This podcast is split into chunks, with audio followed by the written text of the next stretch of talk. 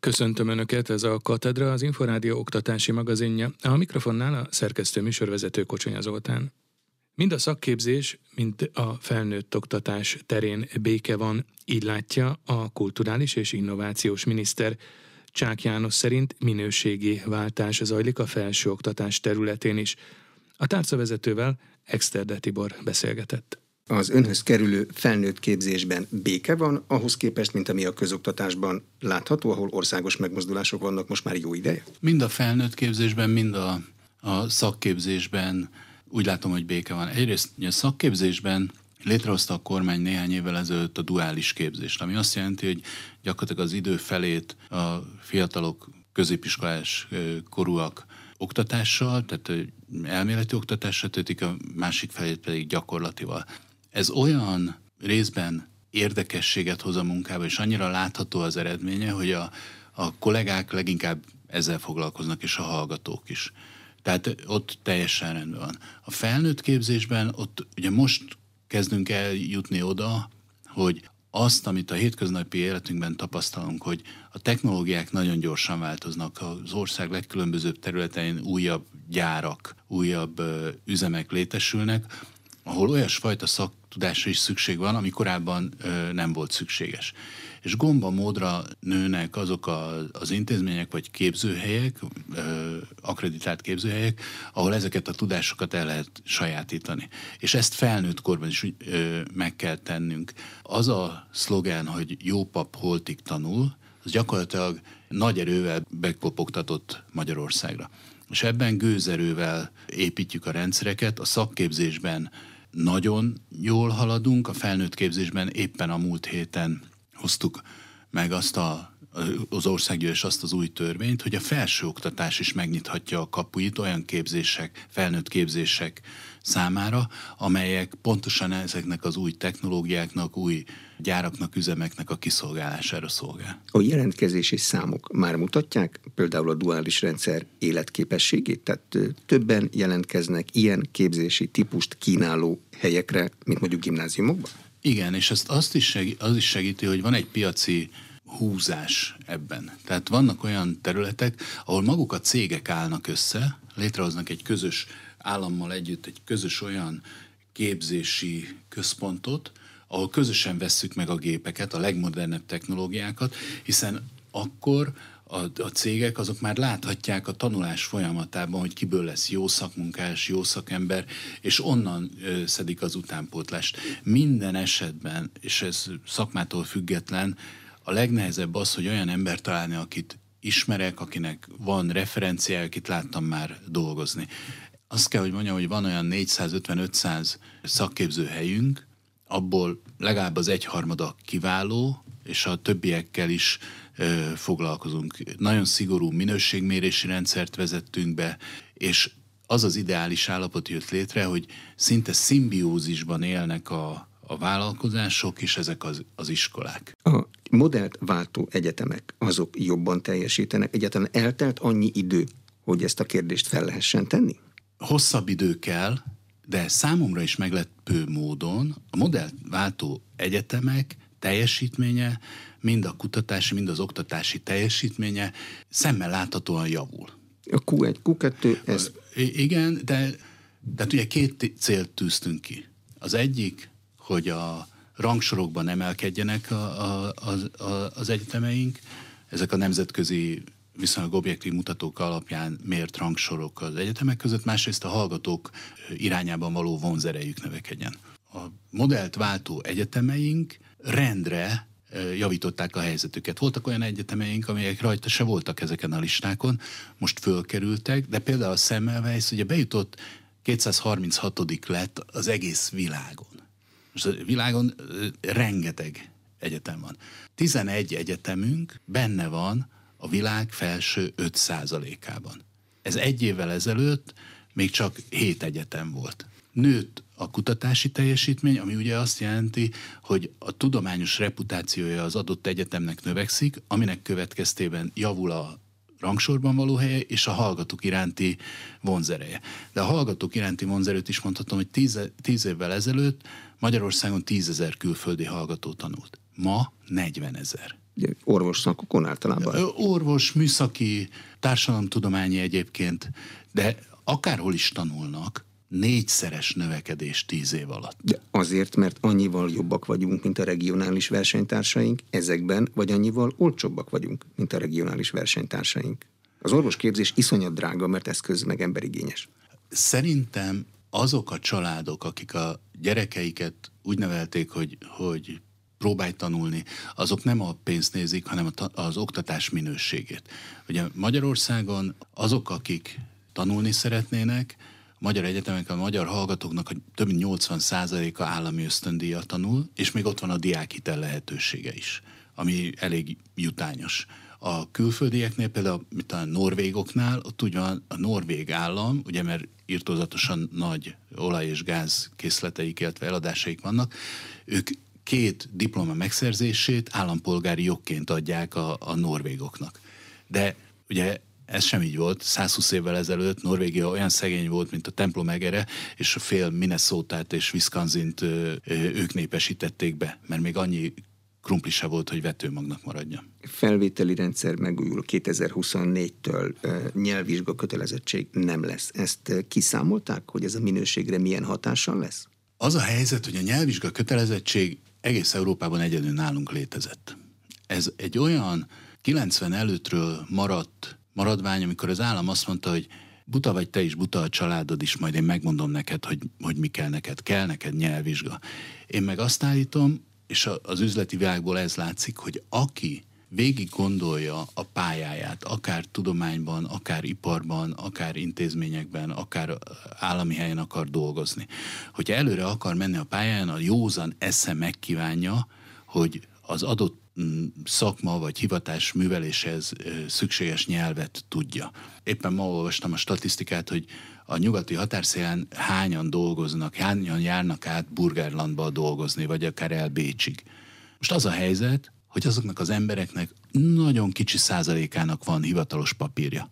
Jó, De úgy beszélnek nyelvet, hogy képesek rá. Ugye mi magyarok ö, szeretjük önmagunkat lebecsülni. Tehát, hogyha oda jön hozzám egy kérdező biztos, hogy beszélek-e nyelvet, akkor azt mondom, még akkor is, hogyha beszélek, hogy jaj, nem, nem tudok, nem akarok.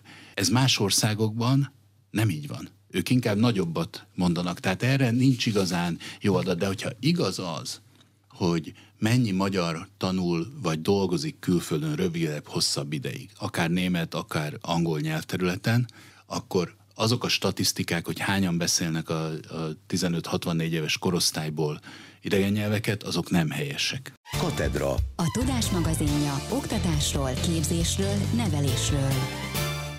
Művészeti egyetemek esetében is vannak felsőoktatási rangsorok, hangsúlyozza a Zeneakadémia rektora.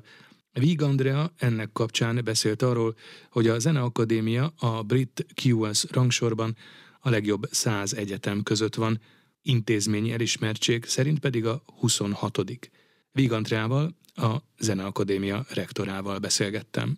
Én ezt értem, hogy nehezebb mérni esetleg, mint egy tudományegyetemet, hiszen ott nagyon exakt paramétereket lehet mérni, és táblázatokba foglalni, és egyáltalán felemlegetni, de ettől függetlenül a brit QS rangsor, ez az egyetlen tekintélyes társaság, aki készít ilyen típusú felmérést, és ezek a felmérések már mm, elég régóta napvilágot láttak, úgyhogy van összehasonlítási alap, és mi is nagyon figyeljük, és azt is nagyon fontosnak tartom, hogy ezek hogy alakulnak ki, tehát minek alapján mérnek, mert hogy így gyakorlatilag a Performing Arts, tehát az előadó művészeti zeneakadémiák kategóriájában tudunk indulni, mint művészeti egyetem, és ebben értünk el tulajdonképpen a Zeneakadémia, én erről az oldalról szeretnék inkább nyilván beszélni, elég előkelő helyezés. Beszéljünk Mert, majd erről az előkelő helyezésről, csak előtte még, hogy mégis, hogy mégis milyen mutatók vagy mérőszámok lehetnek, mert ugye a hagyományos egyetemek esetében, ugye ön is említette, hogy vannak exakt mutatók, de hát tudjuk, hogy ott ilyen hallgató-oktató arányt, tudományos idézettséget, képzési struktúrát, vagy akár munkaerőpiaci visszajelzéseket szoktak figyelembe venni. Na most, hogyha ebből csak kiragadjuk mondjuk a hallgató-oktató arányt, akkor egy művészeti képzés esetében, jelesül gondolom a Zeneakadémián is, hát van olyan, hogy egy oktatóra adott esetben egy vagy két hallgató jut. Tehát nagyon más, specifikus területe ez a felsőoktatásnak. Így van, itt nagyon sokat egyéni képzés, de egyébként a nemzetközi szakterületi rangsorok készítői öt szempontot vesznek figyelembe. Az intézmény hírnevét, a tekintélyét a tudományos szférában, jelen esetben, vagy ebben az esetben mondjuk nálunk ez igen magas, 79,1% pontot értünk el 100-ból, tehát szerintem ez fantasztikus, illetve figyelembe veszik úgy, ahogy az előbb elhangzók a munkáltatói elismertséget, a publikációkat és a hivatkozások arányát, ez nálunk is jelentős, mert ugye nem csak a koncertéletben, tehát a tudomány területén is a zenetudományra gondoljanak, ez adottság, vagy adott, valamint a nemzetközi együttműködéseket, és ebben nagyon élen járunk. Egyébként visszajelzés lehet az is, hát gondolom egy művészeti képzés esetében, és mondjuk itt zenei vetületről beszélünk, hogy Zeneakadémiáról kikerült hallgató milyen művészeti karriert fut be, milyen együttesekben szerepel, vagy, vagy a világ mely hangversenytermeiben léphet fel. Tehát ez is egy sajátos és speciális visszajelzés lehet. Nem az a klasszikus munkaerőpiaci visszajelzés, de egy más természetű. Hát ebben is nagyon erősek vagyunk, és azt kell mondjam, hogy a 150 éven keresztül töretlenül, mert hogy Európa vezetőzenekaraiban, de egyébként a tengeren túl vezetőzenekaraiban is rengeteg magyar fiatal vett részt, és most is vesz részt. Tehát, hogyha arra adják a fejüket a magyar fiatalok, hogy egy zeneakadémia diplomával kint próbálkoznak próbajátékokon sikereket és eredményeket elérni, akkor ebben is nagyon jók vagyunk. Ne menjünk messzire, nézzük meg a bécsi filharmonikusokat, vagy nézzük meg a berlini filharmonikusokat, szólamvezetői pozíciókban, akár fúvós, akár vonósokat nézünk, ülnek bent a fiataljaink, illetve a középkorú most már érett muzsikusaink, mert azok is voltak fiatalok, és úgy kerültek ki. Tehát én azt gondolom, hogy ebben mi retten rettenetesen erősek vagyunk. Tehát pusztán az már egy jó ajánló levél külföldön, hogyha azt mutatja be a zenész, hogy a Budapesti Zeneakadémián végzett? Mindenképpen egy validálás, de minket is validál az, hogy az ő teljesítményük alapján bekerülnek egy-egy ilyen világszínvonalú zenekarba, és ne csak a zenekarokról beszéljünk, mert az oktatást is nagyon fontosnak tartom, és az épp olyan súlyjal esik nálunk alatba, hogy nagy európai egyetemeknek professzorai magyar muzsikusok. Úgyhogy én azt gondolom, hogy itt is abszolút élen járunk. Említette a művészeti felsőoktatást rangsoroló egyetemi listát. Hol is szerepel pontosan a Zeneakadémia, és mondjuk milyen más zeneművészeti felsőoktatási intézmények körében szerepel? A Zeneakadémia nagyon előkelő helyet szerzett meg, mert gyakorlatilag az első százban van a szakterületi rangsorban, és azért ezt úgy kell értelmezni, hogy ez a művészeti egyetemek, tehát nem kizárólag a saját ágazatában, a zeneiben kell a mérésre gondolnunk, hanem a teljes művészeti palettára.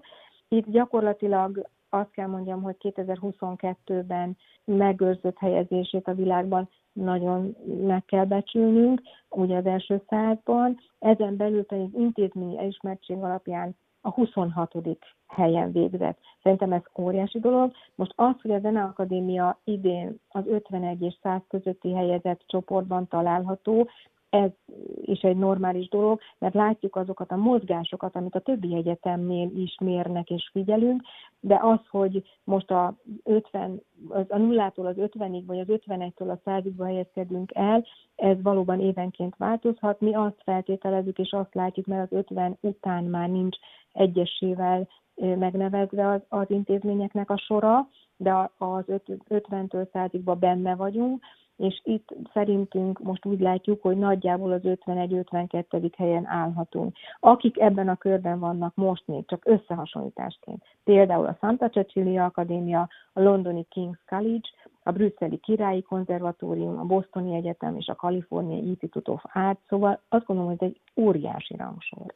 Hogyha listáról és a listán elfoglalt helyekről vagy rangsorról beszélgetünk, akkor hát ez feltételezi azt is, hogy nyilván van verseny vagy versenyhelyzet, valóban így lehet a művészeti felsőoktatás terén is, és ha van ilyesfajta verseny, akkor nekünk például itt a régióban, vagy akár tágabbra véve a határokat Európában, kik a versenytársaink? Európában mindenképpen nyilván azok a zeneakadémiák és azok az egyetemek, akik ebben a százban foglalnak helyet, mert hogy ezek évről évre változnak. Most mondok egy példát. Vegyük például azt, hogy 2021-ben, mert ugye ez egy jól mérhető dolog, 50-től 100 csoportban, akkor még azt kell mondjam, hogy olyan egyetemek, mint a, a, a King's College London a 42. helyről került egy kicsit hátrébb az 51. századikba, vagy például a Hochschule Musik und Theater Hamburg a 48. helyről esett vissza az 51 század. Szóval ez nem,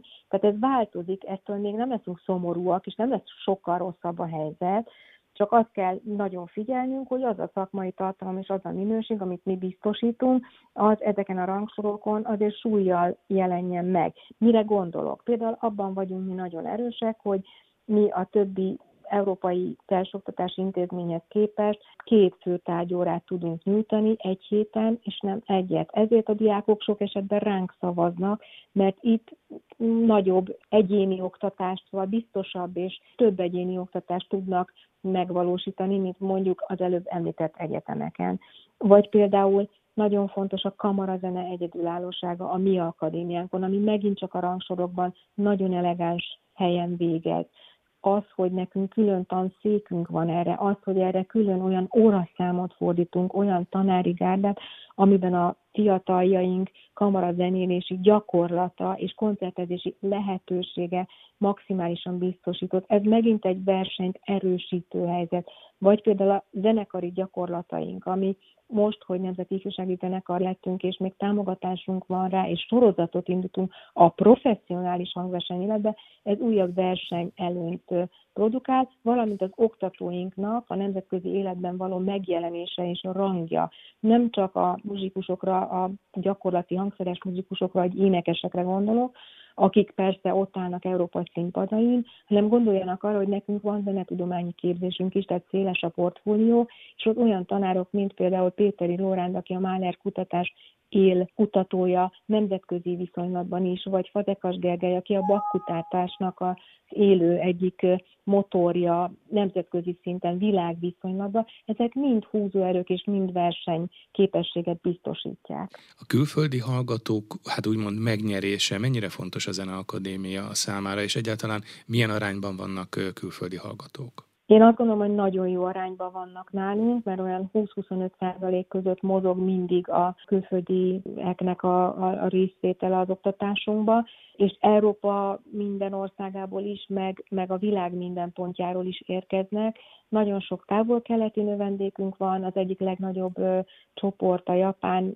Például az elmúlt két évben az európai viszonylatban a legnagyobb csoport volt a spanyol, de ezek is hullámzanak és változnak, de tengeren túlról az Amerikai Egyesült Államokból, Kanadából, de Dél-Amerikából is vannak növendékeink, sőt, még Afrikából is, meg Ausztráliából is, meg volt Új-Zéland is, tehát tényleg a világ minden pontjáról érkeznek, ez betudható az intézmény nemzetközi ismertségének és rangjának annak, hogy ez Liszt akadémiája, amiből egy van a világon.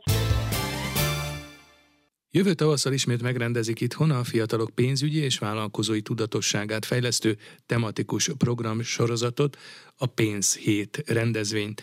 A program egy nemzetközi projekt keretében zajlik, és csak az idei tanévben csak nem ezer iskola, több mint 170 ezer diákja vett rajta részt. A Gazdaságfejlesztési Minisztérium főosztályvezetője, Zsolnai Alíz, Sípos Ildikónak beszélt a részletekről. A pénzhét projektgazdája a belügyminisztérium közoktatási területe minden évben megrendezésre kerül a diákok számára. Ez egy témahét keretében, tehát egy egész hét erről szól, a pénzügyekről szól. Mivel a pénzügyi tudatosság és a vállalkozó ismeretek és ennek a témának a részterülete, így a pénzügyi tudatosság vonatkozásában a gazdaságfejlesztési miniszter kapcsolódik még be a pénzhét rendezvénybe, a vállalkozó ismeretek tekintetében pedig az Innovációs Minisztérium csapata tartozik ide. Ezen kívül még a pénzügyminisztérium, aki továbbra is a pénzügyi tudatosságot fontosnak tartja, szintén csatlakozott a pénzhét szervező csapatához.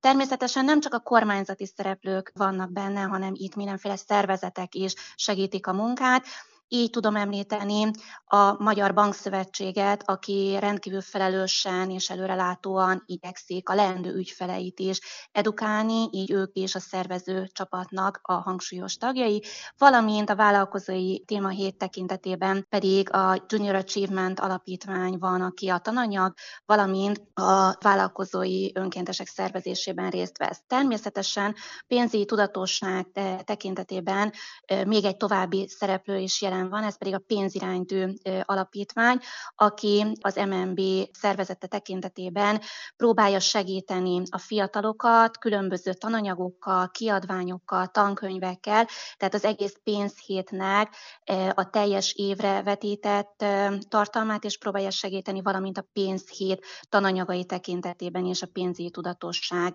témájában segíti az iskolákat, valamint a tanárokat. Milyen korosztálynak szólnak a pénzhét rendezvényei? Jellemzően a középiskolák vannak a fókuszban, ugye ők azok, akik már többségében nyitottak számlát, találkoztak ilyenfajta lehetőségekkel, használják már a, a bankszámlát, a bankkártyát, akár egy okosórás vagy egy telefonos fizetési móddal is, és így adott esetben ők azok is, akik már kaptak ösztöndíjat, tehát már a bankszámla nyitásra mindenképpen felkértek voltak, tehát találkoztak ezzel. Ettől függetlenül mindenképpen szükséges, hogy az általános iskolában is minél hamarabb megjelenjen az ez irányú képzés, oktatás és a gyakorlati megmutatása a tartalmaknak, mert itt a lényeg erről szól, hogy itt gyakorló emberek gyakorló tartalmakat mutatnak meg, hogy hogyan is működik ez a való világban.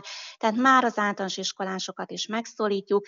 Értelemszerűen jellemzően a 7.-8. osztályosok azok, akik már könnyebben megszólíthatóak, könnyebben információk átvihetőek nekik, tehát ők a legjellemzőbbek, de igyekszünk mindig az adott korosztálynak megfelelően érthető formában az adott évi tematikát bemutatni. Katedra. A Tudás magazinja oktatásról, képzésről, nevelésről. Ez volt a Katedra, az Inforádió oktatási magazinja. Megköszöni figyelmüket a szerkesztő műsorvezető Kocsonya Zoltán azzal, hogy várom Önöket egy hét múlva, ugyanebben az időpontban ugyanitt. Addig is magazinunk korábbi adásait meghallgathatják az Inforádió internetes oldalán az infostart.hu címen. Viszontalásra!